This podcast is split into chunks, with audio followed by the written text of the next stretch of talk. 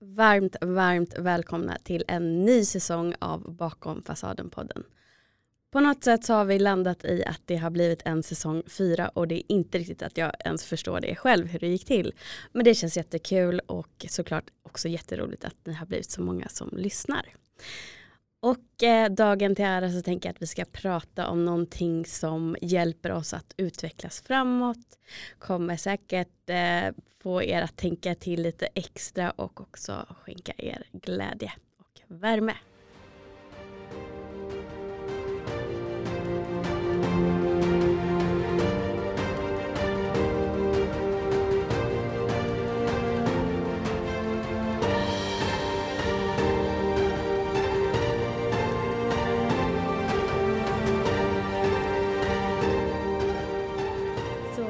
Varmt välkommen säga till Lili Öst. Tack så hemskt mycket. Det känns väldigt, väldigt roligt att vara här och sitta på den här sidan eftersom jag brukar driva podd i den här studion jag också fast då brukar jag vara den som hostar så det känns jätteroligt att vara gäst i din podd. Ja, visst är det lite annorlunda att inte ha kontrollen själv när man äh, poddar? Jag tycker det är rätt okej. Ja, jag har varit med i några poddar nu på sistone och jag blir otroligt nervös innan det ska släppas. Men sen har jag märkt att det hörs inte att jag är nervös och det syns inte att jag är nervös. och det sitter bara i mitt eget huvud. Ja.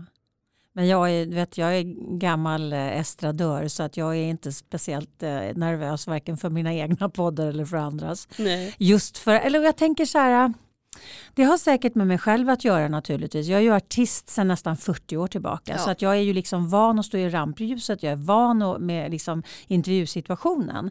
Men, men, så det är väl en del av det. Men, men det jag tänker det är att jag, jag brinner så mycket för det jag pratar om och är så liksom grundad och bottnad i det jag pratar om. Så att, att jag, har lite, jag har inte så mycket fokus på mig. Mm. jag är rätt ovidkommande i det stora hela utan det är ju det vi pratar om och samtalet och, och intentionen med samtalet som är det viktiga.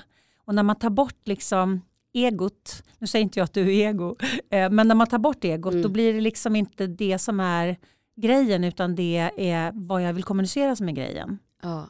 Eh, och det är en himlans skillnad. Och det är jättemånga artister som är skitnervösa när de går upp på scen. Eh, men jag är inte det oftast. Jag ska inte säga alltid. För jag menar, är det precis någonting som du ska launcha, du ska ha liksom premiär för någonting. Det är klart att man, man kan ha nerver för att man är liksom, kommer jag komma ihåg allting. Men, men oftast handlar det om att ta bort fokus från sig själv och ha fokus på vad jag vill ge. Inte vad jag tror att folk vill ha. Mm. Och, och, då blir det liksom en annan, ja men man utgår från en annan punkt liksom. Mm.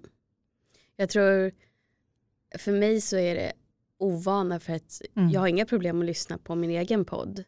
Och det känns inte riktigt ens som att det är jag som pratar när jag lyssnar på det.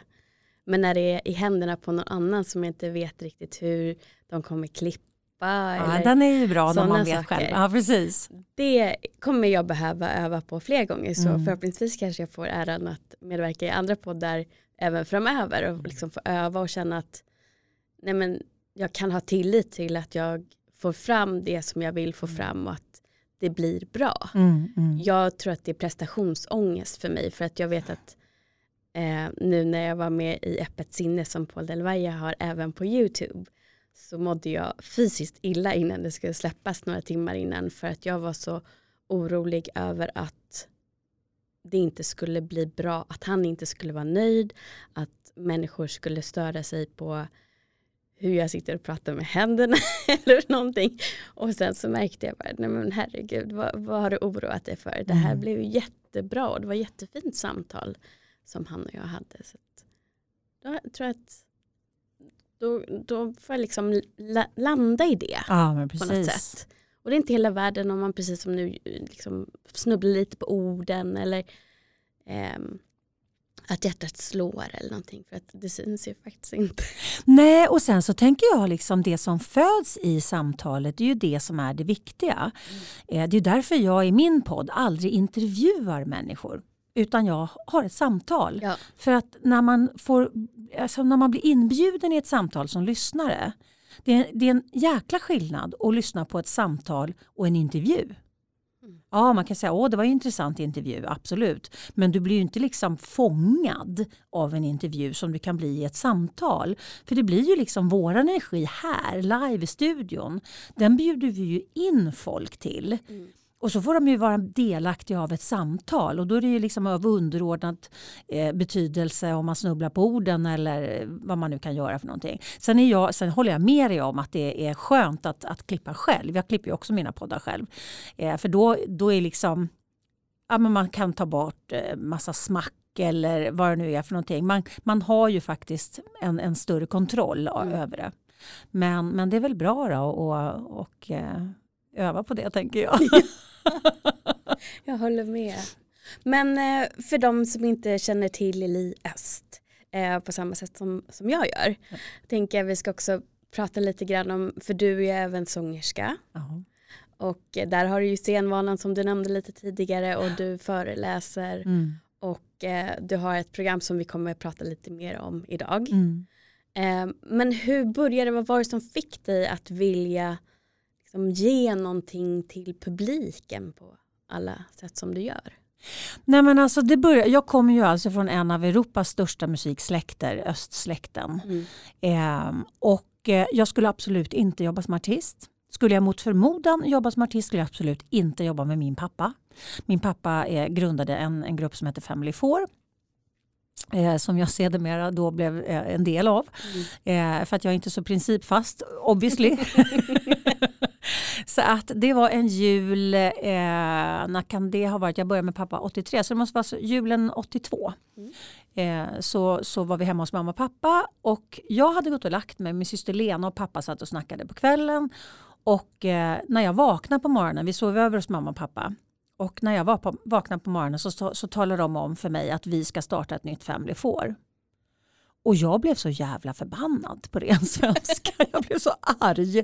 Och bara, nej men alltså vadå? Eh, jag hade tänkt att jag skulle ut och resa och vara eh, eh, resa och liksom lära mig språk, kanske jobba som guide ett tag. Sen vill jag utveckla mig och utbilda mig till inredningsarkitekt. Eh, så att nej, det hade jag absolut inte tänkt. Och jag ska inte ha någon jävla hjälp ifrån min pappa. Vad fasen, alltså jag kan själv. Du vet min så här treårstrotsen stod som spön i backen kan jag säga. Eh, och, eh, och jag skulle inte ha någon hjälp och jag skulle inte jobba med honom. Och det var mycket saker inte jag skulle. Men, eh, och framförallt att de hade liksom suttit och bestämt det här liksom över mitt huvud på natten och bara så vaknar liksom.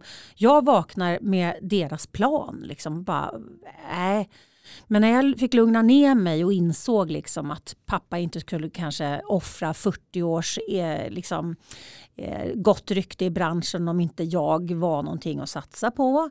Eh, om det liksom, eh, jag var ju tvungen att, att liksom sansa mig och tänka igenom det lite grann. Eh, och eh, när jag hade gjort det då, så insåg jag ju att det här kanske inte alls var en så jävla dum idé. så, så då började jag och eh, jobba med pappa. Och då startade vi det Family Fouret, vilket skulle bli då det sista Family Fouret mm. eh, 1983. Och, eh, och sen så jobbade med pappa eh, och Lena och eh, två stycken till, eh, P.O. Jönis och Frank Andersson, fast inte brottaren utan trumslagaren.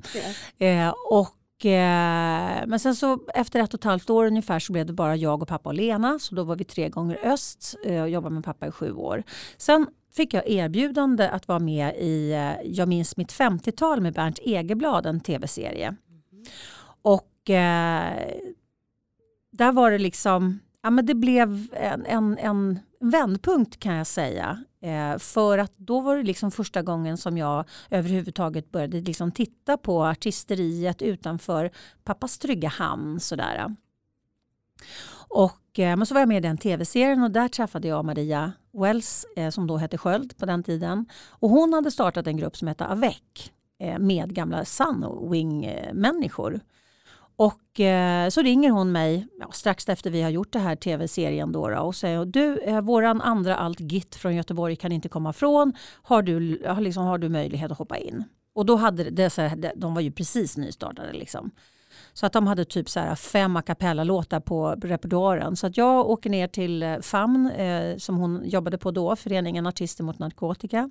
Satte mig nere på hennes skrivbord med en liten minisynt och eh, repade in deras fem a cappella-låtar. Eh, vi gjorde dubbelgig den dagen och sen blev jag liksom kvar i den gruppen. Och då jobbade jag i två år med både Family Four och Avec. Men sen började vi få så mycket jobb med Avec. Så att då var jag tvungen att välja och då valde jag Avec för då var det liksom dags för mig att klippa med pappa och du, så här, gå vidare i livet. Så mm.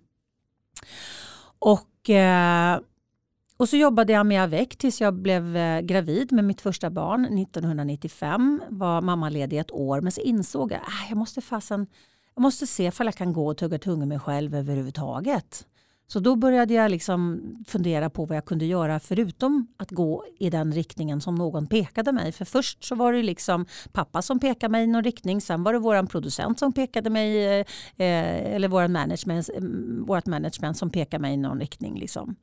Så då bestämde jag mig för att jag skulle säga upp mig i gruppen och då började jag jobba med produktions, som produktionsassistent först. Och sen så som blev jag väldigt snabbt showproducent och manusförfattare och regissör och jag hade ett litet barn hemma och jag hade en man som reste hela tiden och, och jag hade min liksom solistiska karriär som jag hade börjat på då. Så att eh, ja, ett, tu, tre så blev ju jag sjukskriven för utbrändhet. Ja, jag tänkte vis, oj oj oj, hon hade grejer på sig. Ja men alltså. Och, och i det arbetet, för jag insåg ju liksom att, men vänta nu här, det handlar inte bara om att jag har jobbat hårt liksom, utan det handlar om någonting annat. Så jag började forska i mig själv. Och precis i samma veva hade Dr. Phil kommit ut med en bok som heter Livsstrategier där han ställde en jädrans massa frågor. Och så var det en arbetsbok till och jag köpte ju båda två naturligtvis och började jobba med mig själv och, och liksom ställa mig de här frågorna och började fundera på liksom, vad var det som låg som grund för att jag hade blivit utbränd. Eller jag brukar säga att jag gick in i krattan, du vet så man trappar på en räfsa i, i trädgården och får en smocka i pannan. Liksom. Eh, men jag fick väldigt, väldigt mycket indikationer på att jag var på väg i fel riktning. Mm. Eh, med, med sömn och med, liksom, jag kände mig som att jag hade huvudet i en turkisk basar hela tiden. För det var inte, jag, liksom, jag hade hjärnstress. Mm. Så. Men, eh, men det fick mig i alla fall att, att inse, bara vänta nu här. Det, här, det var mina tankemönster, det var mina känslomönster, det var mitt fokus som låg eh, till grunden för detta. Och då började jag forska ännu mer liksom för att jag ville ju naturligtvis eh, förstå varför jag själv hade hamnat där för att jag skulle kunna ta mig vidare. Och som den scenpersonlighet jag är när jag hade insett och hade fått alla de här insikterna eh, då kände jag så här, men det är ju ingen idé att jag går igenom det här om jag inte ska använda det till något vettigt. Så då skrev jag min första eh, musikaliska föreläsning Paus eller Kaos som handlar om stress och utbrändhet och dålig självbild och hur otroligt tätt de här hänger ihop. Mm. För jag har alltid haft ett väldigt, väldigt gott självförtroende men jag hade en så skev självbild och en ganska låg självkänsla. Så det, liksom, det jag skapade med mitt goda självförtroende det raserade jag med min dåliga självbild och min dåliga självkänsla. Så det blev ju ett jättearbete för mig att liksom jobba med det. Mm. Sen har jag alltså, eftersom jag har ju skapat en egen metodik som jag jobbar utifrån som heter såklart-metoden. Och I den så blandar jag beteendevetenskapen och attraktionslagen. Så jag pratar kvantfysik och beteendevetenskap i samma, samma andetag. För att eh, attraktionslagen har jag, det började jag forska i när jag var i 20-årsåldern. Så att i, i tidigt 80-tal alltså. Eh, så att den har varit med mig hela, hela vägen. Och det var egentligen när jag gjorde livskurs nummer två. Först så gick jag in i väggen eh, och sen så skilde jag mig. Mm. Eh, så att jag gjorde två livskurser där på varandra. Och eh, det var då jag insåg, det var ungefär i samma veva då som eh, jag skilde mig 2004. Att, vad heter det? The Secret kom 2006. Och då började jag förstå att jag inte hade förstått det jag behövde förstå på riktigt för att fatta hur jag skulle liksom tänka gällande attraktionslagen och hur jag skulle kunna använda den eh, på, på ett liksom, sätt som gagnade mig. Mm. Och där började jag djupstudera. Då hade jag liksom studerat attraktionslagen i 25 år först. och sen började jag djupstudera den eh, och började titta också på alternativ, liksom, inte alternativ utan eh, närliggande saker för att bredda eh, konceptet ännu mer så att säga. Började nosa på kvantfysiken, liksom titta på vad händer med mindfulness, vad händer med hjärnan. Eh, liksom alla de här delarna är, eh, de är lika viktiga. Mm. Eh, så det var ju liksom grunden till varför jag överhuvudtaget liksom gick ifrån eh, från eh, att vara estradör till att, att använda, eller rättare sagt att vara eh, artist till att börja använda scenen på det här sättet. Men, men eh, ett väldigt långt svar på din fråga kände jag.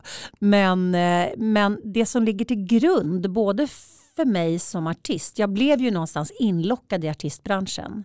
Sen när jag eh, hade varit mammaledig med Tim eh, i ett år, då, då gjorde jag ett aktivt val. Ska jag verkligen jobba som artist? Och då hade jag kommit fram till att ja, jag ska faktiskt göra det. För att jag har någonting att ge från scenen. Mm. Och för mig har det alltid varit... Jag har alltid haft en relation eh, till scenen där det handlar om att ge. Eh, inte att jag har stått på scenen för att jag vill bli bekräftad utan för att jag har haft någonting att säga eller någonting att ge. Mm. Och den blev ännu tydligare när jag började jobba som föreläsare. För då handlar det ju inte liksom om tjofaderittan på något sätt utan det handlar om att folk lyssnar på varenda ord jag säger. Eh, och det är ju ett fantastiskt forum att, att jobba med människors eh, utveckling. Eh, att nå dem, att liksom nå deras hjärta eh, rakt in i systemet. Så därför har jag ju, liksom, jag har ju behållit min, min eh, musik så att jag sjunger alltid mina föreläsningar. Och jag tänker, alltså åren som artist har varit fantastiska. Eh, både åren med pappa och Family Four och åren med Avec har varit fantastiska. Jag jobbar, jag giggar fortfarande inemellan med Avec. Men det, vi liksom har inte fokus på avec i det. Eh, liksom alla, alla gör olika saker. Några av dem jobbar bara med musik, några av dem jobbar med musik och foto. Liksom det är lite olika sådär. Men jag kan någonstans känna att mina år som artist var viktiga för mig för att när jag väl skulle göra det jag är här för att göra, då var jag helt orädd för det forumet. Jag hade redan skapat mig en kanal Eh, och jag var, redan, jag, jag, var redan en röst som eh, var hörd. Mm. Eh, vilket gjorde att jag kortade av eh, avståndet mellan mig och publiken eh, genom det. Mm. Så att jag tror någonstans att, man, att mitt artisteri och allting jag har lärt mig under alla åren det var bara liksom ett förspel till det jag egentligen ska göra. Mm. Faktiskt. Min reflektion när jag hör dig prata är också att jag känner igen det här med att vara så helhjärtat inne i det man gör mm. att man springer förbi varningstecken som kroppen ändå ger en och sen blir det för mycket. Men att det har ju ändå funnits någonting i det som man gör som man älskar och får energi av mm. likväl. För annars hade man inte hållit på så länge så att man hade gått in i väggen eller blivit utmattad. Och det låter på dig, i alla fall i mina öron, som att du har ändå kunnat ta tillbaka den delen som gav dig någonting tillbaka. Oh ja. Och sen hittat en balans idag där du fortfarande kan använda det för att du också, och det var därför jag formulerade mig som jag gjorde, varför eh, valde du att ge till publiken? För att mm. det är mm. så jag uppfattar dig, att du mm. ger. Mm. Eh, och jag tror att vi är väldigt lika där och det är det jag känner att du och jag har klickat på. Mm. Att vi får så mycket energi av att ge någonting till andra. Men med det sagt då måste man ju också vara rädd om sin energi. Just så att man inte Absolut. får slut på den. Mm. Och därför tycker jag också att det är så fint att man kan ha det här forumet som poddformatet ändå är. Att man får möjligheten att ge till andra människor utan att behöva ta för mycket av sig själv. Mm. Ja men precis. För det är ju ändå liksom det är en sak när jag, för jag jobbar ju som coach mm. eh, och då är det ju one-to-ones hela tiden. Där jobbar jag ju bara med en person, eller inte bara för att jag jobbar även med parrelationer. Eh, men, eller i grupp. Eh, men oftast är ju när jag coachar så är det ju en person. Mm. Eh, och man ska liksom försöka skapa en förändring i världen en person i taget så tar det väldigt lång tid. Vilket gör att poddformatet är ju väldigt bra för där når man eh, till ett mycket bredare spektrum. Ja. Eh, så att, eh, och, och, och man, man behöver inte vara fysiskt närvarande alla gånger folk lyssnar. Och det behöver man ju vara i en föreläsning. Mm. Så att eh, det är ett jättefint koncept. Jag tycker väldigt, väldigt mycket om det. Eh, och, och det, alltså, jag, har, jag känner att jag har en, en, eh, en uppgift. Jag är helt övertygad om, om, om, att jag har den här uppgiften. Och den tar jag väldigt seriöst på. Eh, faktiskt. Och, eh, men det är också, precis som du säger så klokt, att när man är en givare, jag är en givare, men man kan inte gå förbi sig själv eh, om man är en givare utan du behöver faktiskt ge dig själv också. Mm. Om jag vill skapa eh, ett gott liv för människor runt omkring mig då behöver jag ju skapa ett gott liv även för mig. Mm. Och där måste jag säga när jag hade eh, en, eh, en kille som pratar eh, högkänslighet eh, i eh, Leif Grytenius heter han. Han har något som heter Grytenius Academy. Och eh, hade honom här i studion och vi pratade högkänslighet. För den är väldigt viktig att prata om. Alltså 20 procent av världens befolkning är högkänsliga. Du yep. och jag. Go figure. Yeah. eh, och, eh, och det är jämnt fördelat mellan män och kvinnor. Och djur kan vara högkänsliga också. Mm. Och när vi pratade, han hade ett sånt himla bra sätt att förklara högkänslighet på.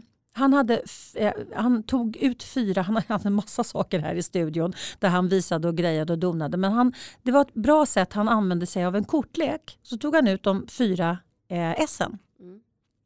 Och så sa han det, ruter S, där visar att en, en högkänslig personlighet penetrerar allting mycket djupare.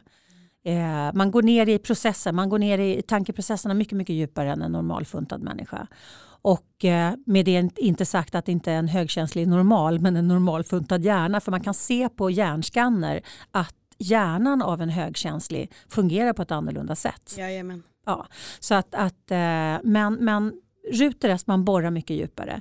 Hjärter S, man har liksom inget filter utan alla känslor, allting bara rasar in. Eh, och då kan du tänka dig om du är helt öppen och allting bara rasar in och du djuppenetrerar mycket mer än normalfuntad hjärna, då är det ganska det är ganska jobbigt. Liksom. Sen klöver S, vi plockar upp mycket, mycket mer subtila signaler. Så vi läser av ett rum, vi läser av människor, vi läser av energier, vi läser av situationer. Så det är så extremt mycket information som kommer in. Och spader S, om man inte respekterar de tre första så får man spader. ja, verkligen. Och det här blev så liksom för jag har haft själv, eh, eftersom jag är mycket på utringning så att säga. Jag är mycket, jag, jag coachar, jag föreläser, jag skriver, jag poddar. Eh, alltså jag, jag gör ju hela tiden saker som är utifrån mig själv. Så att på eftermiddagarna eller på kvällen när jag kommer hem från jobbet eh, så har jag liksom så här, nej men alltså ring, nej jag orkar inte prata med någon. Och det är ju då folk kommer hem från jobbet och vill ringa och jag känner bara, nej men alltså jag orkar inte prata med någon alls. Eh, och, och, och och jag har känt mig lite kymig. Liksom. Eh, för liksom, jag kan gärna så här, mellan två möten så försöker jag ofta ringa folk i bilen eller när jag sitter liksom, på tåget. Eller, det är då energin fortfarande är uppe. Ja, plus mm. att jag känner så här, men nu är jag mellan två grejer. Eh, och jag, har liksom, jag är i mitt görande så att det här är skitbra. Det är bara det att då sitter ju mina kompisar på jobbet liksom, och har inte alls någon lust att prata med mig. Utan ja, du, jag är upptagen, kan vi höras ikväll? Och jag bara, Nej, då är jag i energisamlarmode och ja, stänger ner. Ja, precis. Mm. Och när jag insåg eh, att det här var ett sätt för mig att hålla, då helt plötsligt, för att jag har liksom, nej men jag har inte riktigt tagit mitt, eh, mitt mitt behov av retirering eh, riktigt på allvar förrän jag kunde sortera det genom Leifs liksom, eh, glasögon.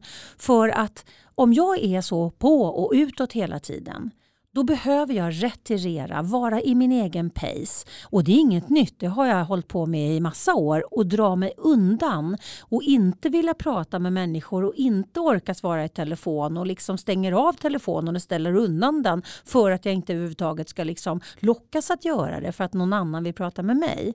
Och det här har känts så himla kymigt för att jag har känt liksom, ja men vad fasen, jag finns ju inte där för dem när de vill prata med mig. Men så, jag, så insåg jag med hans hjälp att nej men det här är mitt sätt att hämta tillbaka mig. Mm. Jag, kan inte, jag kan inte sprida min energi överallt om jag inte också hämtar tillbaka den. Ja.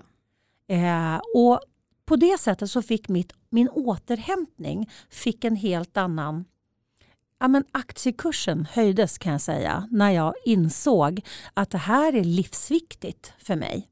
Eh, för att, och jag har, liksom, jag har ju tagit mig tiden tidigare också fast den har inte känts riktigt bekväm. Mm. Men nu förstod jag att den här är livsviktig, den här tallar inte jag på. Eh, det här är liksom, this is what I need eh, för att vara den jag är. Mm. Eh, och det var en otroligt bra insikt att få. Att ge mig själv liksom tillåtelse att ta den tiden jag behöver. Mm.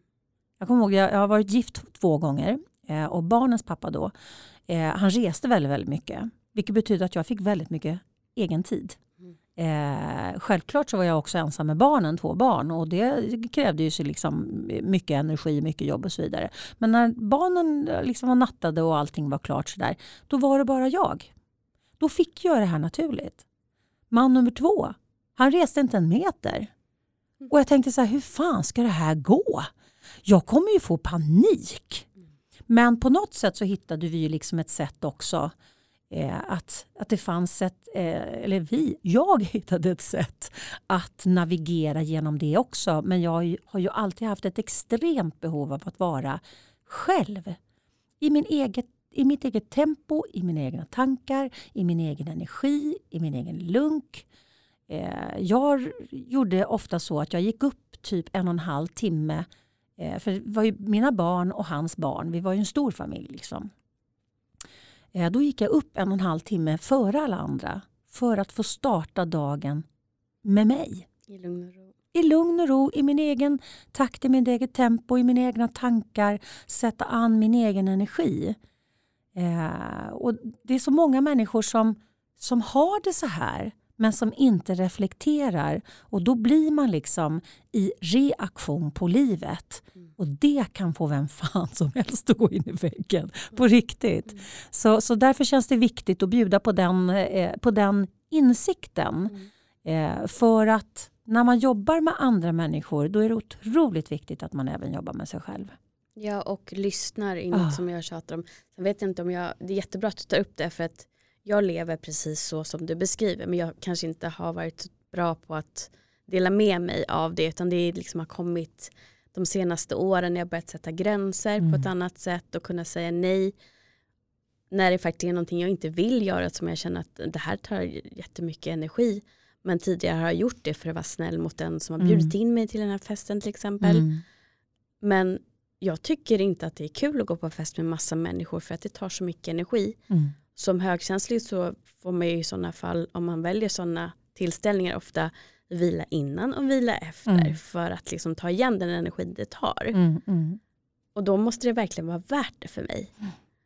Och nu också med, med den situationen som vi har haft så har det ju varit lättare och mer accepterat mm. inom citationstecken att också hålla sig med för sig själv. Och jag tror aldrig jag mått så bra som när det har varit så nedstängt för att det har varit så accepterat att jag får vara i min lilla kokon efter jobbet och bara vara tyst och som du säger inte orka prata med någon. Jag kan ofta eh, smsa med folk mm. på kvällarna eh, med de närmsta och sådär. Det känns som helt okej. Men sätta mig och prata i telefon det gör jag helst när jag är ute på min lunchpromenad. Mm. Så att jag är precis likadan som du där. Att, men då är jag redan inne i liksom det här doer-modet. Mm. det blir en liten paus för mig och jag ringer ofta till mina föräldrar eller mamma eller pappa. Eller, ja de är oftast tillsammans. Men, eh, eller min syster då som är barnledig. Och då hittar vi liksom en halvtimme att prata om. För att ja, hålla koll på vad vi gör och hur mm. andra alla mår och sådär. Och då behöver inte jag känna att jag behöver sitta och ringa på kvällen när jag kanske inte känner att jag har den energin. För då behöver jag samla energi igen. Mm. Och det som jag också känner har varit väldigt värdefullt har varit att jag skäms inte längre för det. Förut så hade jag faktiskt skam förknippat med att jag inte orkade lika mycket som de som inte tar in allt det här som mm, tar mm, energi mm, från oss. Um, och kände också skuld för att, som du uttryckte, jag kände igen det där att man inte finns där kanske för andra. Men nu när jag börjar mer förklara över varför jag inte vill prata i telefon till exempel på kvällarna om det är någon som säger oh, men kan vi inte ringas ikväll och jag då förklarar att jag fungerar så här, jag hörs jättegärna när jag tar ut, för vi har en hund på kontoret som jag ofta går ut med för att få lite mikropauser också. Mm. Eh, ja, men jag kan ringa när jag går ut med honom eller jag kan ringa på lunchen eller något sånt där. Men på kvällen så, så vill jag faktiskt inte prata med någon och det är inget personligt mot dig. Nej. Och bara ha fina människor som har varit mottagliga och förstående i mitt liv är jag också väldigt tacksam för. Mm. Men framförallt att jag känner att jag, jag kan förklara hur det ligger till. Så att det inte heller blir att jag bara drar mig undan och de kanske tror att det har någonting med dem att göra. Eh, och det blir bara så onödiga missförstånd. Mm, mm. Sen är det självklart att just det här med kommunikation och förklara hur man är eh, är någonting som, som jag behöver jobba ännu mer på. För att jag har lite grann fortfarande i färgad av gamla relationer som har varit destruktiva där det inte direkt har uppmanats till att förklara mina behov. Mm. Tvärtom. Eh, så det är fortfarande ett lite sådär inre motstånd. Mm. Men jag märker hur bra resultaten blir när jag gör det och förklarar att så här fungerar jag, jag är högkänslig. Um, och det här är, är mina behov. Och det här är mina behov och det här är mina eh, gränser. Ja, här är mina gränser. Och den är otro, och jag menar, det finns ett gammalt bibelcitat, jag älskar, jag älskar ju citat eh, från bibeln och framåt. Då. Mm. Men know thyself. Ja. Det är så otroligt många människor. Alltså, som coach så får ju jag hela tiden människor som inte know their selves eh, förrän vi har verkligen satt ner och pratat om viktiga frågor som de aldrig har ställt sig. För jag blev ju också väldigt inspirerad av, av Dr. Dr. Phil och hans bok och alla eh, liksom spännande frågor han ställde. Så det låg till grund för varför jag skrev min första bok. Eller att, det var inte varför jag skrev den. Varför jag skrev den det var för att jag hade så jäkla mycket att säga och jag hann inte säga det på en föreläsning. Så jag var liksom tvungen att, att, att, formulera det och då blev det en bok. Men jag var väldigt inspirerad av hans sätt att ställa massa frågor som man inte ställer sig själv i vanliga fall. Och när jag då ställer frågorna både ur ett beteendeperspektiv och ur ett attraktionslagen-perspektiv så blir det väldigt intressanta frågor för man måste titta på sig själv på ett sånt annorlunda sätt när man blandar in eh, energiperspektivet. Mm. Och, och jag utbildade ju mig till coach eh, 2009 eh, inom NLP. Eh, jag är ingen renodlad NLP-coach men det är med NLP-inriktning och sen så har jag läst kommunikologi. Och det här är två stycken metadiscipliner. Eh, och varför jag har valt metadiscipliner det är ju för att jag, jag förstår att vi behöver zooma ut Betyder titta. det bara för de som inte är bekanta med begreppet att man ser det större perspektivet? Ja. Meta är det större, Meta är det större och precis. mikro är det lilla. Ja precis. Mm. Så när man zoomar ut och ser allting ur ett helikopterperspektiv. Om du står mitt i skogen så ser ju inte du ett smack, du ser bara, bara trän. Men om du zoomar ut och liksom sätter dig i en helikopter och tittar på träden ovanifrån. Då ser ju du på helt annat sätt liksom hur saker och ting hänger ihop. Mm. Och det är så jag jobbar med mina klienter. Eh, mina kurser, mina onlinekurser, eh, liksom allting jag gör, mina böcker. Det handlar om att hjälpa läsaren, lyssnaren att få ett, ett högre perspektiv och kunna tolka en större bild. Eh, och det, det, är det jag har sysslat med hela mitt liv egentligen. Att lära mig mer och mer saker för att kunna lägga ihop saker som, som kanske inte folk tror har med varandra att göra. Men man lägger ihop dem och då helt plötsligt så har man fått ett utzoomat perspektiv och då bara aha, mm. nu fattar jag varför det där aldrig händer. Eller nu fattar jag för det där, varför det där, jag drar till med det där hela tiden. Eh, och Det är så otroligt värdefullt när man liksom kan zooma ut och titta på det ur ett större perspektiv. Så att Det är det jag gör hela tiden. Jag tillskanskar ju mig ny kunskap hela tiden. Så att, såklart, metoden är ju en, en fluktuerande metod. Alltså den växer ju hela tiden för att den växer med mig. Mm. Eh, Så när, som du utvecklas, utvecklas ja, metoden? Ja. Eh, och ju mer, och, alltså, och jag tänker så här. Ju mer vi lär oss om fler saker desto större bild kan vi tolka. Och när vi kan tolka en större bild så kan vi göra det hanterbart eh, för folk att förstå. Mm. Alltså jag har ju liksom, jag har pluggat attraktionslagen sedan tidigt 80-tal och nu är det 2022 snart. Mm. Eh, och idag kan jag, kan jag presentera det här på ett sätt som är så begripligt för gemene man som inte har pluggat den här i 40 år. Eh, så att de kan relatera och liksom förstå hur vi interagerar med biofältet utanför oss själva på ett sätt som inte är så jävla skrämmigt utan det blir så här, aha okej okay, jag fattar. Så det och det och det hänger samman och det behöver jag fatta för att jag måste förstå mig själv vad jag har för beteenden och, och programmeringar och mönster för att jag ska veta hur vi interagerar med varandra. Mm. Så att vi kan inte bara lära oss om attraktionslagen utan vi måste framför allt lära oss om oss själva. Och ju mer vi lär oss om oss själva, ju mer kan vi göra som du sa. Det här är mina gränser, det här behöver jag. Vi blir medvetna om det. Vi, vi skapar strategier för att hjälpa oss själva att, eh, att vara vår bästa version av oss själva. För att om, om både du och jag är högkänsliga eh, och om jag inte då ser till att jag ger mig det jag behöver för att kunna hålla. Om jag inte ger mig det och jag inte ens ger mig tiden att se det. Om jag inte ser det, då kan jag inte ge det till mig. Mm. Men om jag bara ser det och konstaterar det men inte ger mig de strategier jag behöver för att hålla. Då är det liksom en påse värdelöst vetande som jag sitter med. Liksom. Mm. Så, så det vi behöver, jag tänker, nu är jag lite all over the place känner jag, men, men eh, det är den energin idag. Eh, nu, framförallt under pandemin, så är det så många människor som eh, en del har liksom landat i, gud vad skönt, vi kan retirera precis som du sa förut. Det är inte ifrågasatt nu att jag är i min bubbla. Eh, utan jag får vara i min bubbla. Det är otroligt många människor som behöver vara i sin bubbla men som har liksom legat och pikat utanför sig själva och liksom lite framåtlutade. Mm. För så har de liksom levt sitt liv.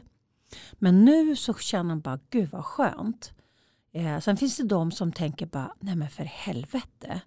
De är så stressade nu va, så att de håller på att gå upp i atomer för att det börjar kännas massa saker som de har sprungit förbi förut. Och nu när de inte springer då börjar liksom själen knacka på dörren och säga hallå vi, ska, vi behöver ha ett samtal här. Eh, och de är livrädda för det här samtalet så de försöker liksom köra så här bingo bingo hålla för öronen och bara wow, wow, wow, wow, wow, så. Eh, så det är ju liksom två kategorier någonstans. Men det som jag tycker att det så tydligt visar hela den här pandemin det är att det är så många människor som har levt ett liv där de har skurit av eh, den största biten av sin själsbit för att passa in i normer och samhälle och liksom sina egna eh, referenser och preferenser eh, fast det egentligen inte lirar med hjärtat. Mm eh, och deras själsjag. Så stänger man av den biten och så blir man lite tunnelseende och så springer man ännu fortare. Det är så otroligt tydligt att de flesta utbrändheter handlar faktiskt om att vi inte är, alltså vi är huvudfotingar. Mm.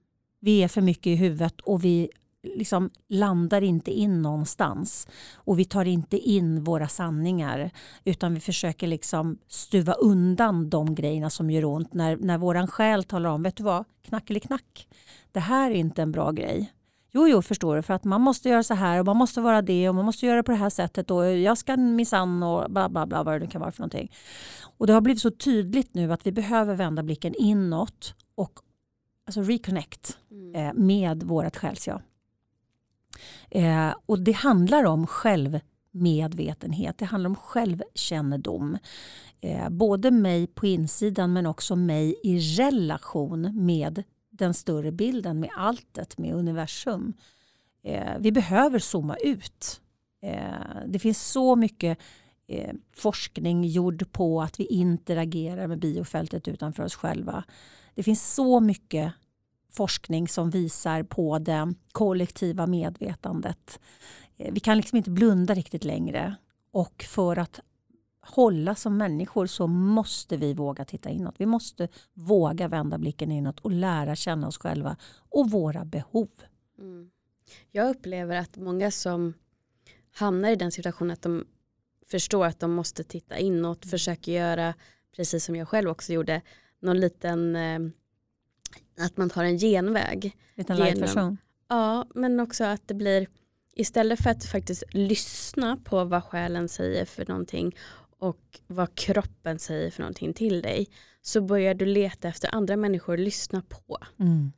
Att du ska hitta någon självhjälpsguru eller någon andlig guru på något sätt och ta deras ord till din sanning och sen mm. blir du jättearg om någon ifrågasätter det du säger för att du upprepar deras ord.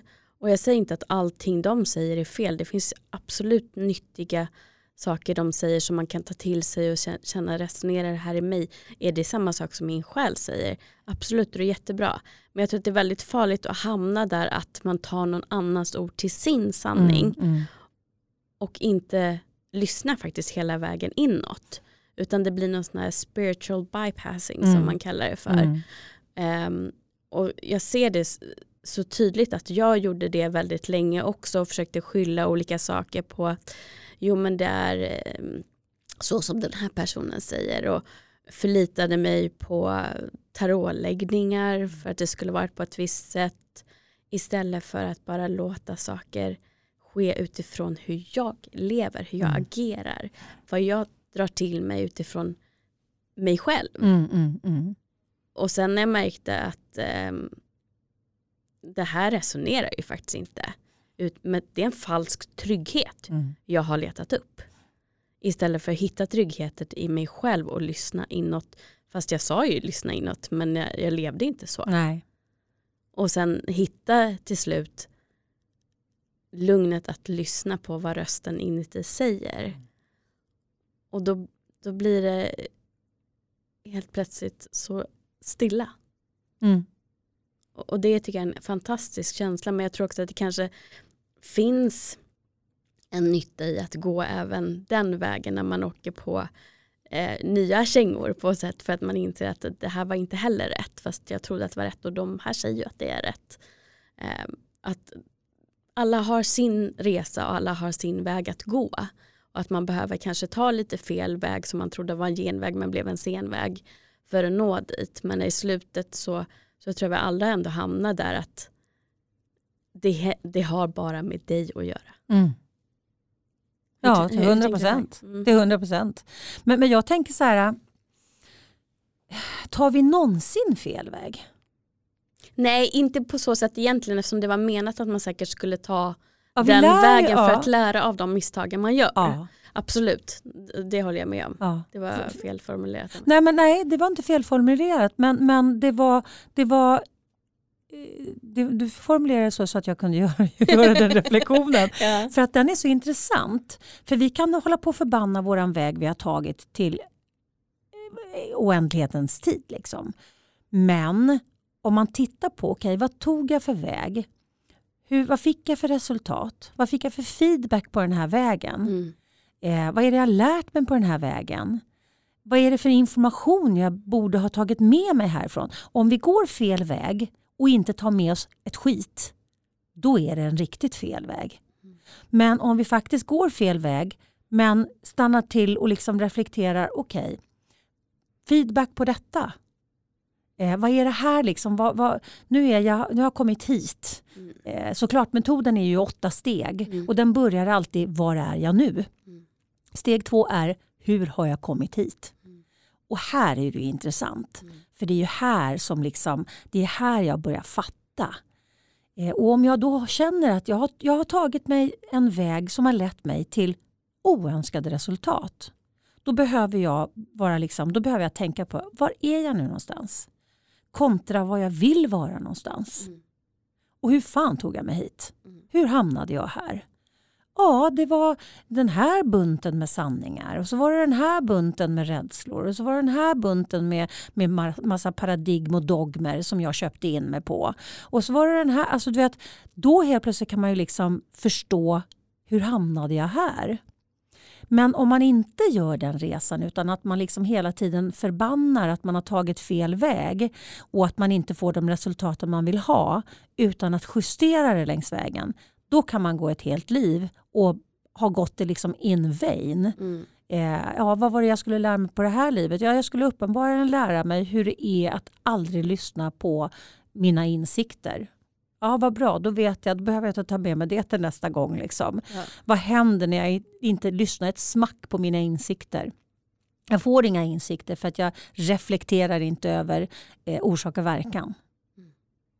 Eh, och, och då kan en, en fel väg bli väldigt intressant. Ja, men det, är fantastiskt eh, det är en fantastisk möjlighet till utveckling, ja. så ser jag det nu. För ja. det lär ju mig vad jag inte vill vara och vad jag mm. inte vill göra.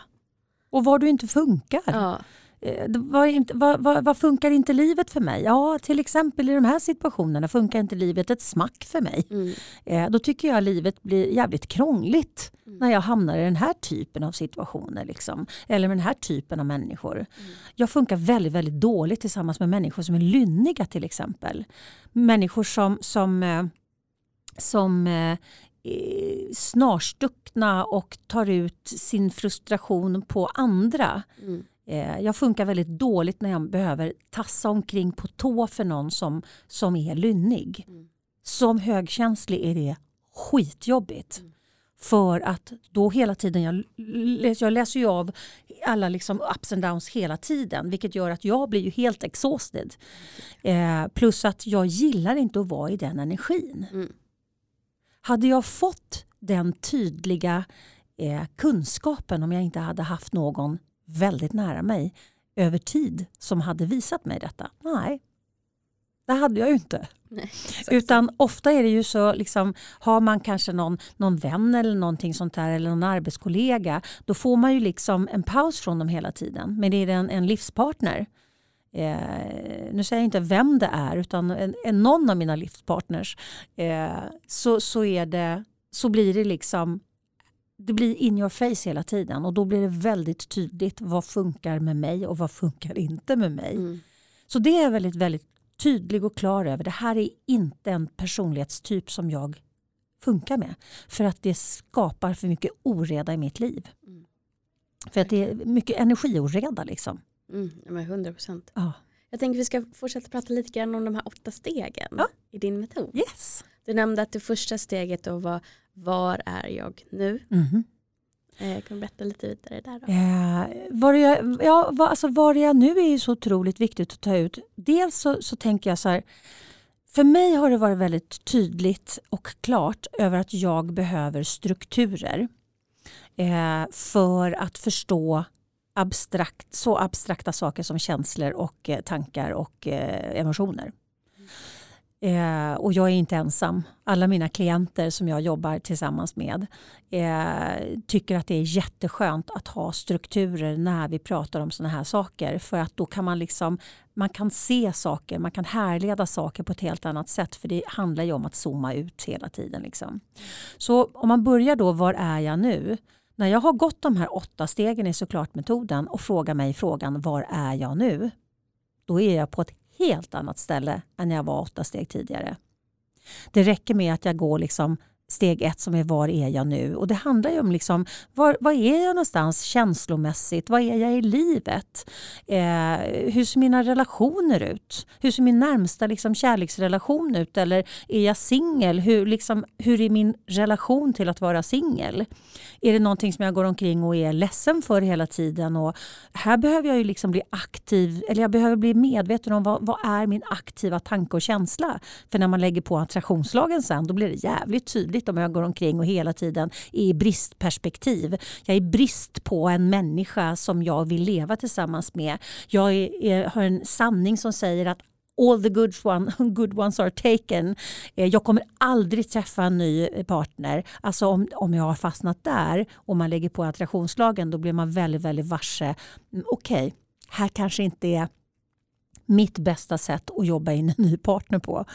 Eh, så att, att oavsett vad det är för någonting, ekonomi, jobb, relationer, vänskapsrelationer, eh, min relation till mina ungar, min relation till eh, om jag inte har några barn, eh, min relation till om jag har en partner och hans barn.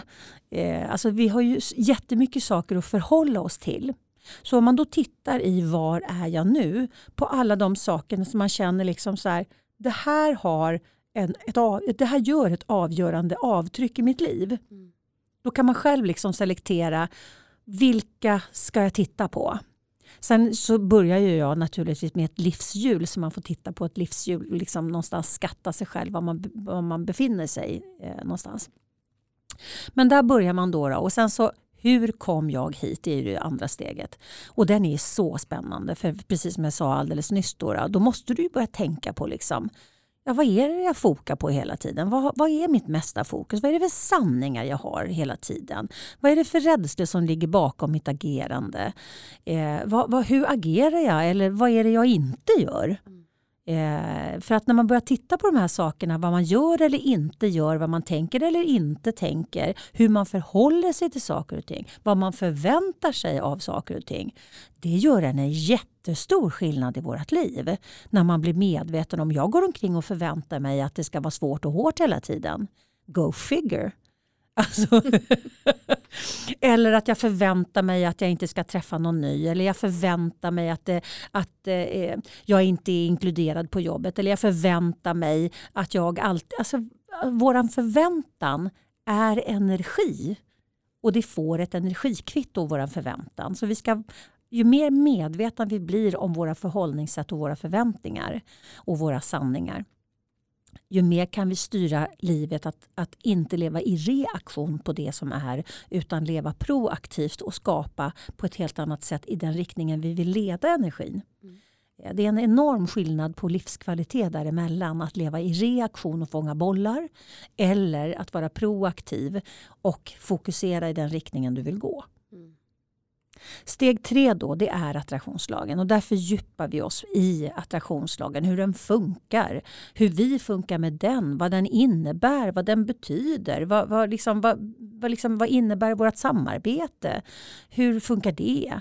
Eh, och hur funkar det liksom eh, Alltså vi jobbar hela tiden i direktsändning med attraktionslagen. Det, vårt mesta fokus det, det, det pingar den tillbaka eller vi, den speglar det okej, okay, vad ger jag attraktionslagen att spegla? Här behöver man ju bli själv, liksom know thyself. Mm. Om jag inte har någon koll på det, är jättemånga klienter som kommer till mig och säger alltså jag fattar inte varför jag drar till med så mycket skit. Alltså jag är ju en positiv människa. Ja, absolut. Och så, liksom, så, så börjar man nysta i den här äh, positiva personen. Och så ma liksom, massor av rädslor, massor av aktiva rädslor, massor av aktiva sanningar som inte liksom lirar med deras hjärta. Påtvingade sanningar som de har ärvt av någon annan. Eh, när de inser att de, man kan vara positiv men om du känner eh, en, en dissonans i, i kroppen så är det den som är din sändande magnet. Mm. Så att eh, det blir väldigt mycket spännande uppvaknande för mina klienter när man, börjar, när man sätter på sig de här glasögonen och liksom tittar på livet på det sättet. Nummer fyra då, det handlar precis om det jag pratar om. Att synliggöra sina tanke-, känslo och handlingsmönster. Att på djupet verkligen borra och förstå.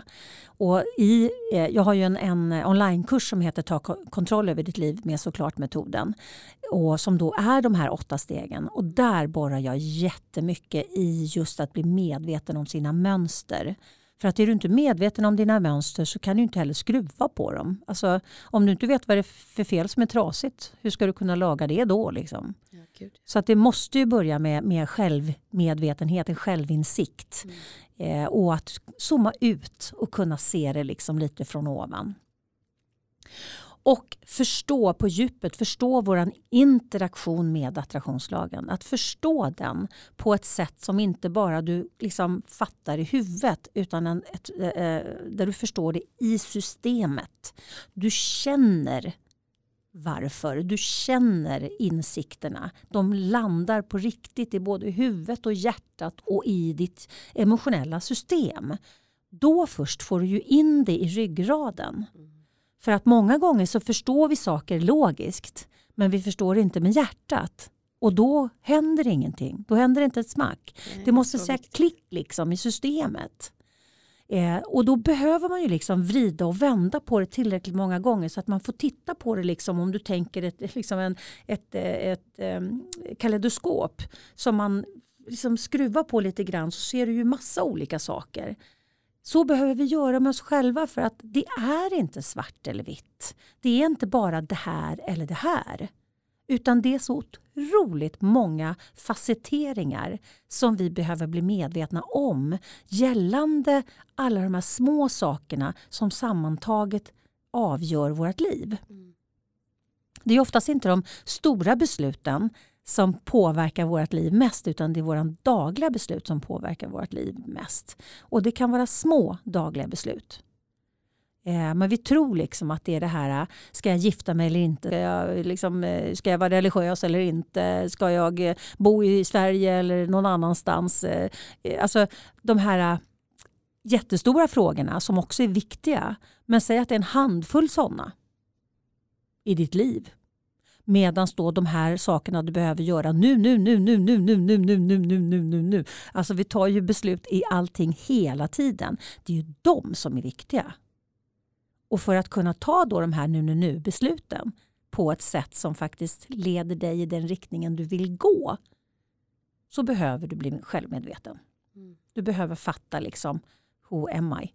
Och vad är det jag gör nu, nu, nu? I vilken riktning leder jag mig nu, nu, nu? Mm. Eh, och sen så då eh, nästa steg är att förbättra nycklar, verktyg, kommunikation. Både inre och yttre kommunikation. Och där vill jag ge en, en eh, eftersom jag älskar meta, metaforer och, och eh, deviser. Eh, en, en väldigt tydlig sak när du sa det här att du eh, börjar lära dig säga, säga nej, sätta gränser. När jag tittar på det ur ett energiperspektiv så vill jag inte highlighta att säga nej utan jag vill highlighta att, att säga ja till rätt saker. Mm. För att vi ska inte vara nej vi ska inte vara eh, negationsfokuserade utan vi ska vara positivt fokuserade. Det vi vill bjuda in för att attraktionslagen funkar lika attraherar lika och det du fokuserar på det växer. Vilket betyder att du vill inte fokusera på att säga nej. Du vill fokusera på att säga ja till rätt sak. Du vill inkludera rätt saker i ditt liv. Du vill inte exkludera fel saker. För när du ger de fel sakerna ditt fokus så börjar de vibrera och det är mer av det som du drar till dig mer av. Mm. Eftersom du, vi lever i ett inkluderande universum och det finns inga negationer. Så att då har jag en, en jag eh, använder handen och så tänker du handflatan som nej och handryggen som ja. Och när du då säger nej till någon annan så får du ju handryggen mot dig själv och den är ju ja. Vilket betyder att du säger ja till dig. Så att det är en väldigt bra grej att ibland så blir det ju två handryggar. Jag säger ja till dig och det betyder också ja till mig. Det känns bra för mig att säga ja till dig. Då är det ju en win-win. Då får både du och jag handryggen. Mm. Men om du säger nej till dig eller om du säger nej till dig, du säger handflatan till dig själv för att säga ja till någon annan. Där blir det ju liksom en minusaffär. Mm. Så att den är väldigt bra. Liksom. Vem, vem ger jag handflatan? Ger jag den till mig eller ger jag den till personen i fråga? Vilket betyder att jag ger mig själv handryggen. Så att säga ja till sig själv, säga ja till rätt saker är ett bättre fokus än att säga nej till det jag inte vill ha. Ser du skillnaden energimässigt? Ja, fast för mig så innebär ju att säga nej till det jag inte egentligen orkar är ju att säga ja till att få göra det som gör att jag orkar. Ja, och då är det det som ska vara ditt fokus. Mm. Jag säger ja till det som gör att jag orkar. Mm. För det är det du vill, eh, det, är det du vill kvantifiera. Mm. Att, liksom, att göra mer saker för dig själv som gör att du orkar mer. Mm. Så det är, det, det, det är en ordlek, det låter som en ordlek men det ligger en energi bakom alla ord. Mm. Eh, och den behöver vi bli medvetna om. Eh, så att, att säga ja till det vi vill bjuda in och inte ge fokus till det vi inte vill ha. Då, då, då jobbar vi mycket, mycket med, alltså bättre energimässigt med oss själva. Mm. Så att, att förstå, liksom förstå det här, förbättra då den inre kommunikationen, den yttre kommunikationen, eh, ge sig själv verktyg, eh, strategier eh, för att liksom hålla sig på rätt bana. Om jag vet att jag blir skittrött eh, och behöver hämta hem på kvällarna, då ska ju inte jag nödvändigtvis vara tillgänglig. Mm. Det är en strategi. Det är ett verktyg. Att kommunicera till andra då, nej det här behöver jag för att hålla den inre kommunikationen jag gör det här för min egen skull för att jag ska hålla så att man inte hamnar i skam och skuld. Jag var ju också inne i skam. Liksom, för Jag tyckte också det var jävligt kymigt att, att liksom inte finnas tillgänglig när andra var lediga. Eh, då, då, ville, då, då, var ju de redo att prata med mig och då sa jag nej. Mm. Det var jätteskam liksom, och skuldkänslor. Och det här, när man blir medveten om det här då sorterar man liksom på ett helt annat sätt. Och sen så då förädla. Hur håller jag mig medveten? Hur håller jag mig medveten om, liksom, om vilken, väg jag, vilken väg jag har valt? Hur håller jag mig medveten? Här behöver jag skapa strategier för mig själv som gör att jag eh, gör rätt val för mig.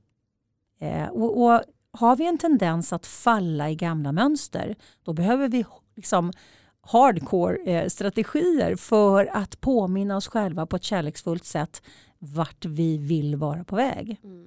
Och det här, är, det, här är liksom, det här är en färskvara. Ja, verkligen. Det är liksom som eh, man bestämmer sig, jag ska aldrig göra det här igen. Och så tar det liksom 12 minuter och så står man och gör samma grej. För hjärnan, den vill ju liksom inte göra några förändringar. Den tycker att det är skitbra när vi gör som vi alltid har gjort och tänker det vi alltid har tänkt. För det sparar energi. Den är ju gjord för att spara energi. Vilket gör att om du behöver skapa, oj, om du behöver skapa en förändring i ditt liv då måste du vara så mycket mer motiverad än hjärnan är lat. Mm.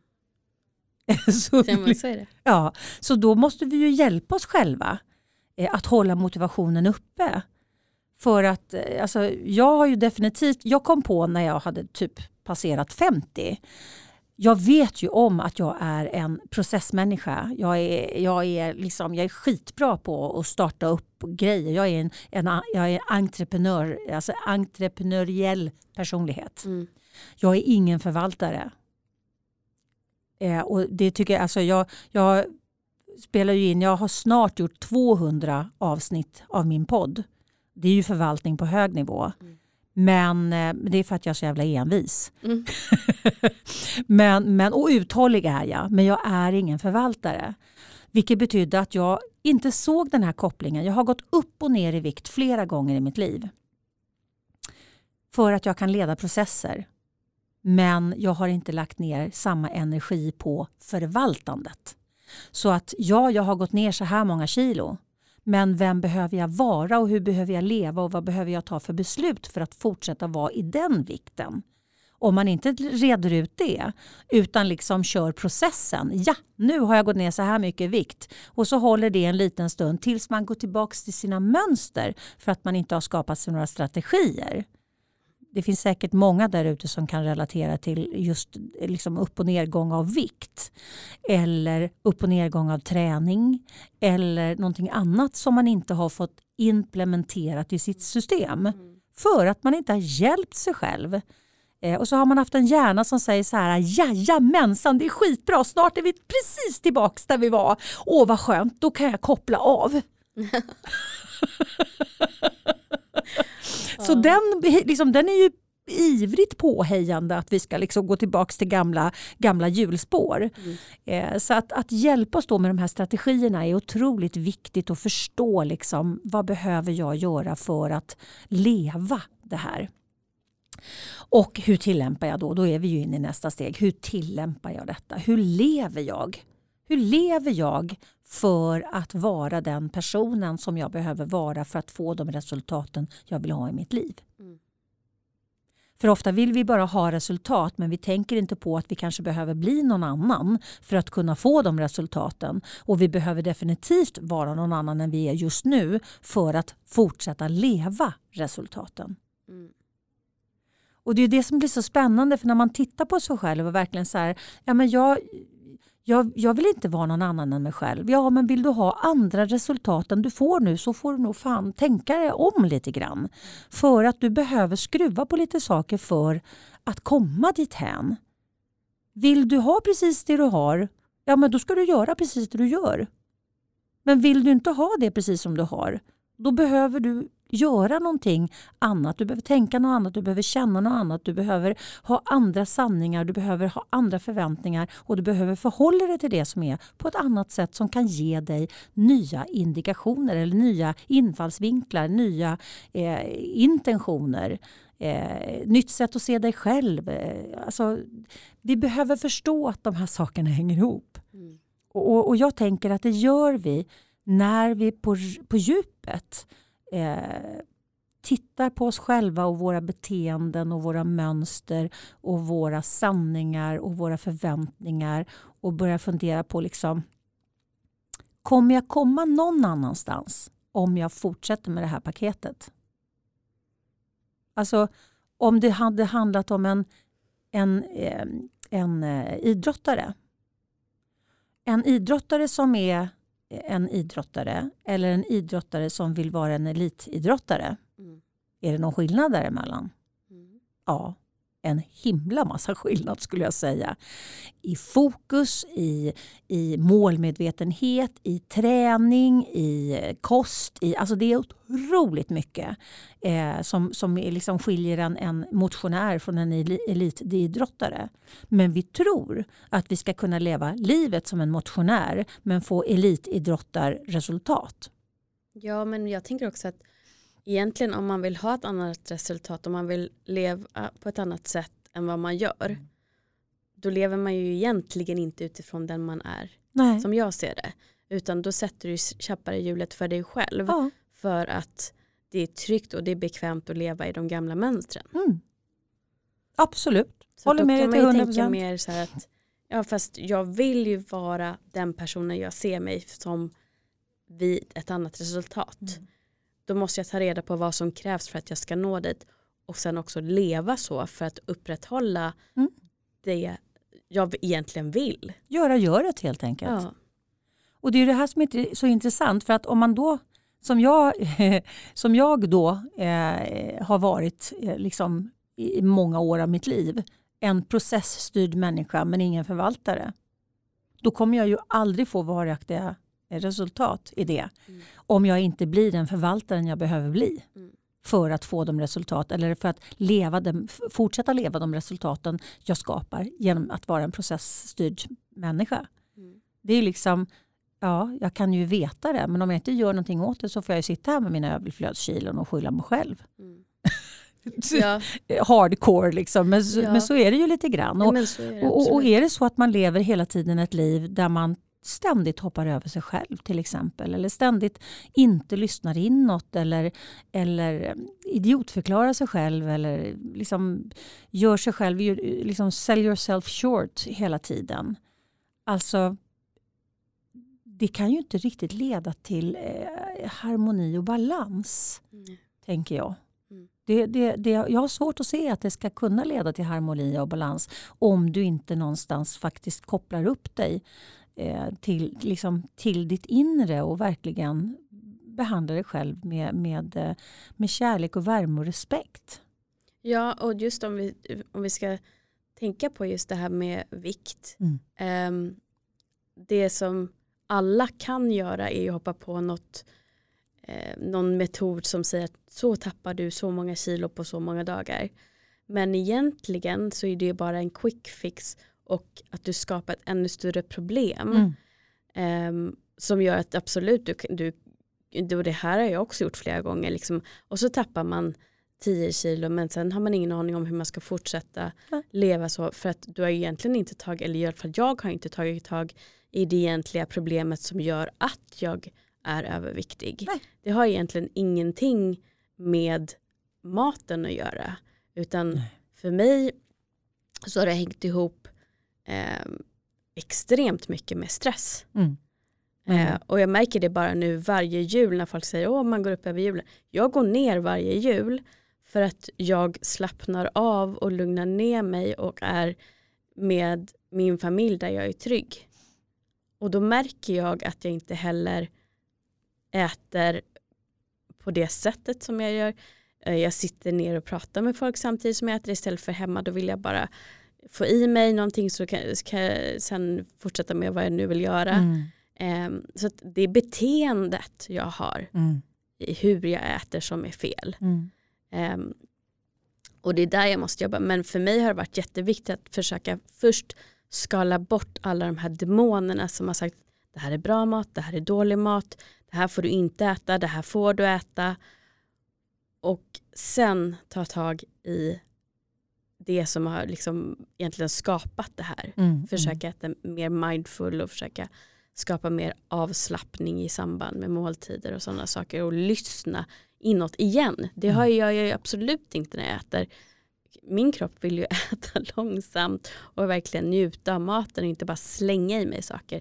Sen är det också tyvärr någonting som man lär sig när man jobbar i hotellbranschen i 20 år som jag har gjort att det finns liksom inte riktigt tid att äta. Så då Och man står och man- äter. Mm. gud, om man ens Mm. det i receptionen då kan det ju vara någon som kommer och ska checka in mitt i när man försöker Mm. äta till exempel. Så det är så mycket parametrar som man måste tänka på och bli medveten om och inte bara hoppa på att köpa ett kostschema eller gå med i den här gruppen som- som är ett tidsbestämt aspekt. Alla kan gå ner om man gör så. Men det handlar ju egentligen om att skapa en hållbar och beständig förändring som Mm. gör att du mår bra.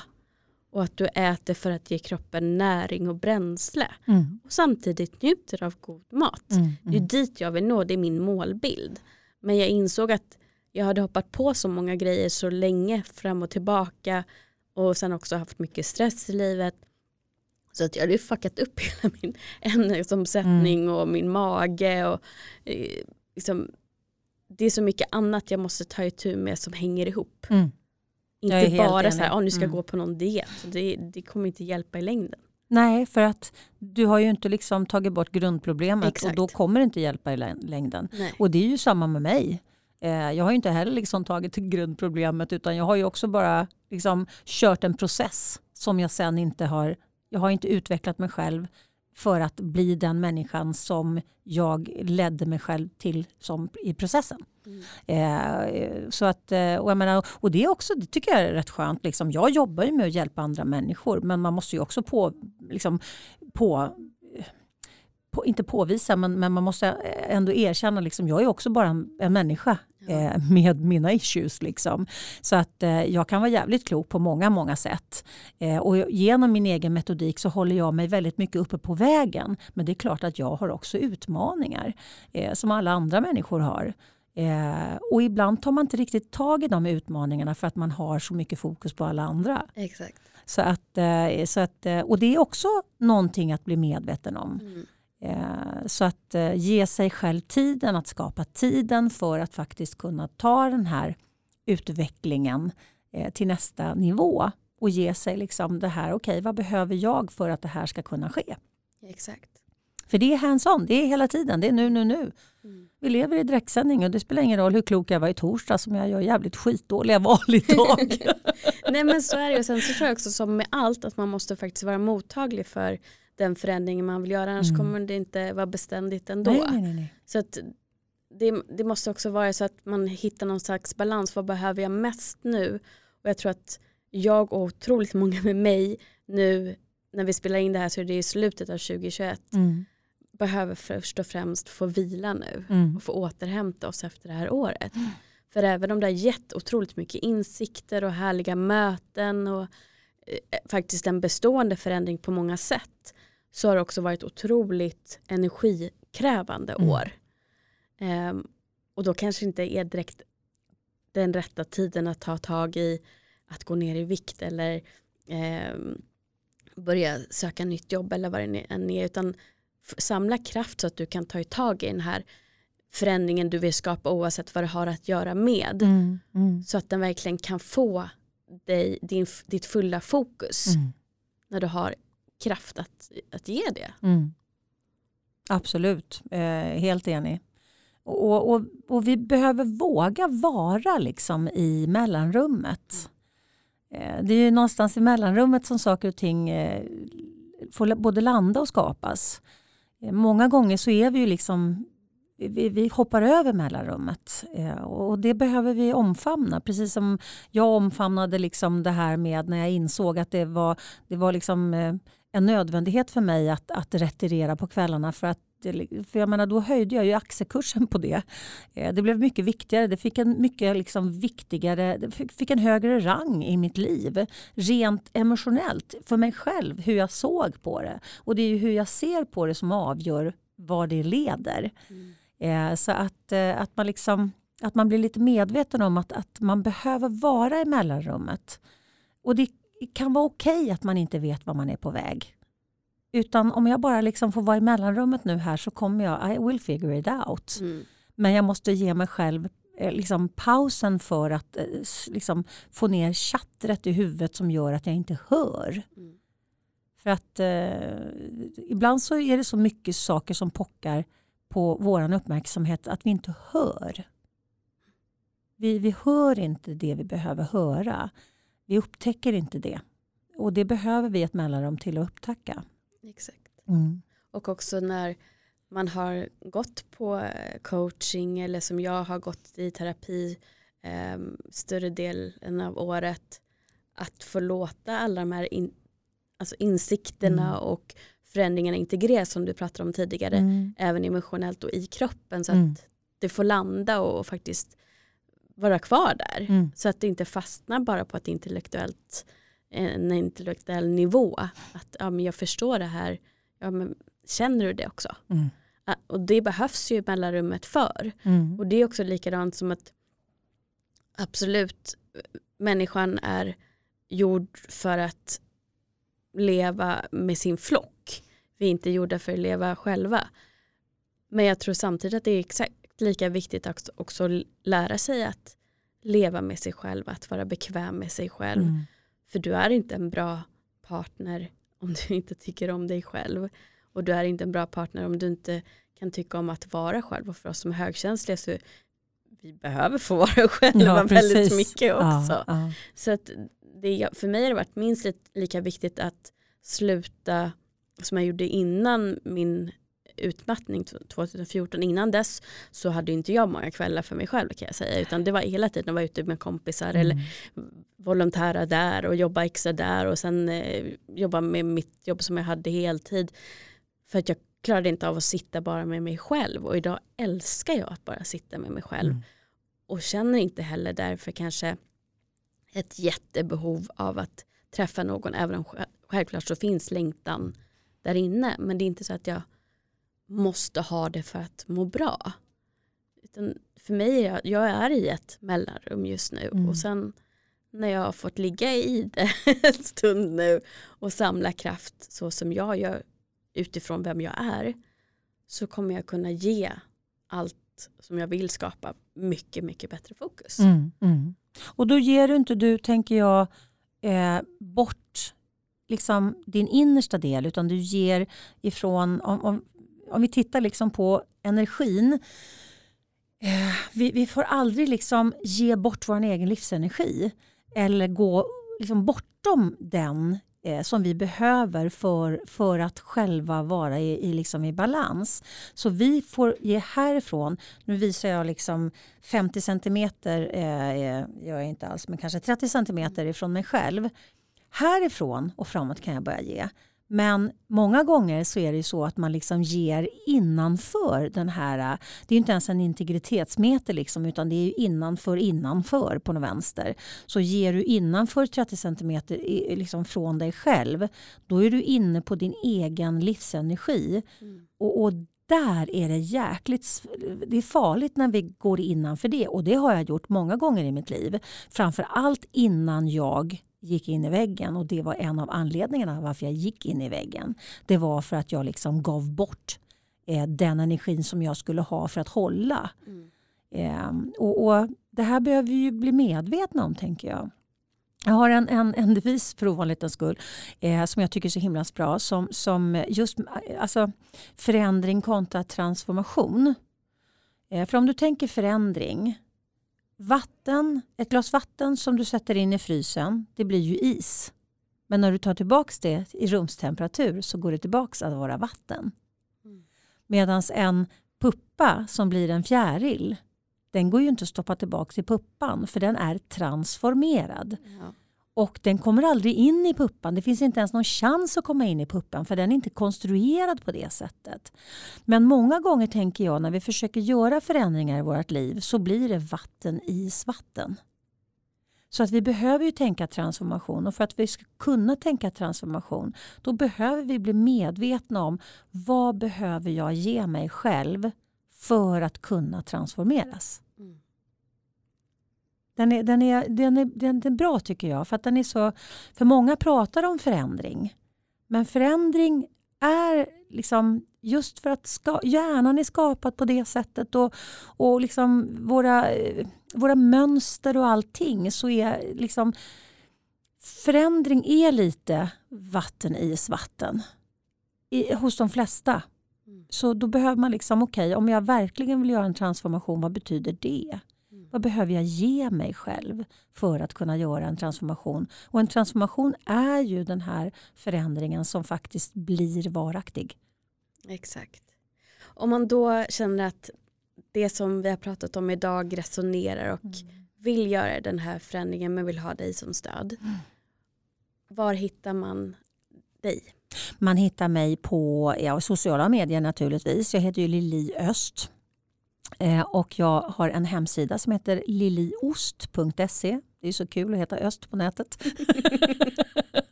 och sen så, eh, och där hittar man, eh, där hittar man information om coaching. Man hittar ganska mycket gratis eh, pdf som man kan ladda ner. Som en liten minikurs där och det finns många strukturer och modeller som man kan ladda ner. Och sen så även mina onlinekurser hittar man där. Eh, sen kan man bli en prenumerant på, på, eh, på hemsidan där. Så att, eller på nyhetsbrevet så får man massa eh, spännande information och artiklar och, och erbjudanden och sådär. Sen har jag ju min podd Attraktionslagen 2.0. Mm. Jättefint och eh, tack så hemskt mycket för att du har varit med här och startat igång säsong fyra av Bakom fasaden-podden. Ja, men tack snälla för att jag fick vara med och starta igång säsong fyra. Det känns jätteroligt och så spännande att prata med dig. Och jag tror att eh, jag är helt övertygad om att eh, vi kan liksom både du och jag på varsitt håll här så ett frö i människor att de vågar liksom, eh, ta ett steg närmare sig själva. Absolut. Och ja. Jag tycker det är helt fantastiskt att hitta folk att alliera sig med för mm. att hjälpa andra till en förändring för att vi kan inte göra det här själva utan vi behöver ju göra det här tillsammans. Absolut, så tack för dig. tack så mycket. och också såklart tack till er som lyssnar och eh, hjälper er själva och också hjälper podden genom att dela och eh, ja, fortsätta lyssna helt enkelt. Mm. Så jag hoppas att få följa med även med säsong fyra i dina öron och eh, tills vi hörs igen, ta hand om